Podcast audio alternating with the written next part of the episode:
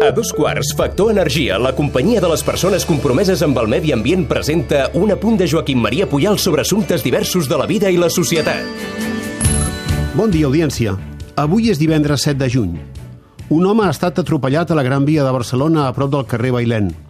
Es tracta d'una persona gran que pel seu aspecte hom diria que és un indigent.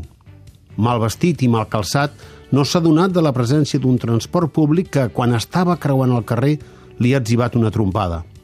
Algunes persones han mirat d'ajudar-lo, però des del primer moment ja s'ha vist que es tractava d'un accident greu. L'home no portava documentació i, per tot plegat, hom diria que es tracta d'un vagabund. Ha quedat estès a la calçada, inconscient i amb les ferides sagnant.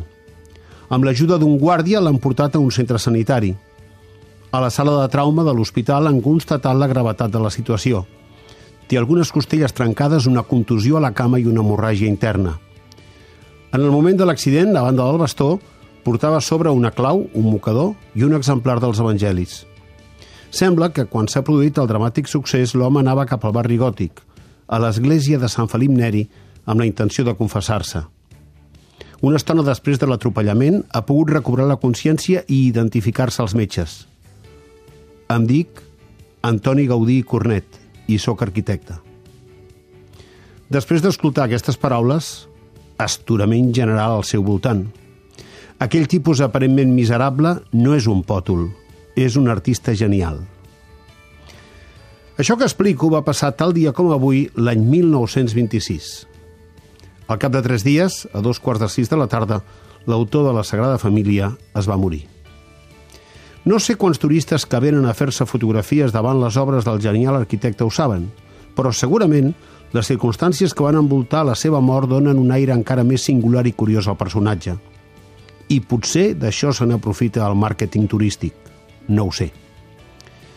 Diuen les cròniques que Gaudí era fill d'una família de calderers, que va ser amic del poeta Bartrina, que va estudiar arquitectura a Barcelona, que simpatitzà amb l'ideari cooperativista i amb el socialisme utòpic, que la relació amb Eusebi Güell va ser essencial per poder desenvolupar una part significativa de la seva obra, que va passar d'una vida més o menys lleugera, els primers anys de joventut, a un estil sobri en els costums i auster en el menjar, que va ser catòlic practicant fins a la mort, que era un visionari amb una imaginació fecundíssima, que es mantingué aliè a les vanitats del món i que, tot i tenir un caràcter adust, tenia relacions amicals amb els obrers que treballaven a la Sagrada Família.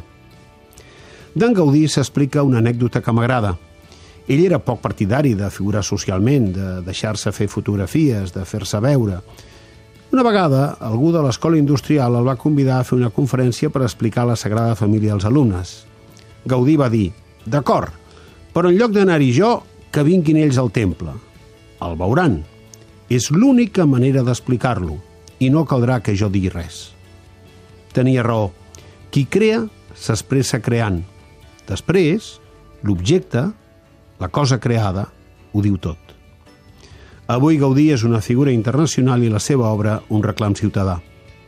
Però què rumiava Gaudí avui fa 93 anys quan distret va ser atropellat quan creuava la Gran Via per un tramvia de la línia 30?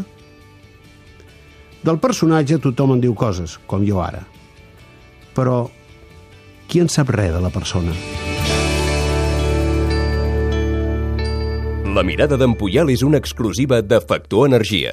En Manu, el Minimans, Manis pels amics, no, ha contractat la llum a Factor Energia i no, no s'estalvia un 12,5%. Manu, contracteu tots la llum. A factorenergia.cat i no farem més anuncis. Per fi hi ha una altra llum. Factor Energia. Empresa col·laboradora amb la Barcelona Equestrian Challenge.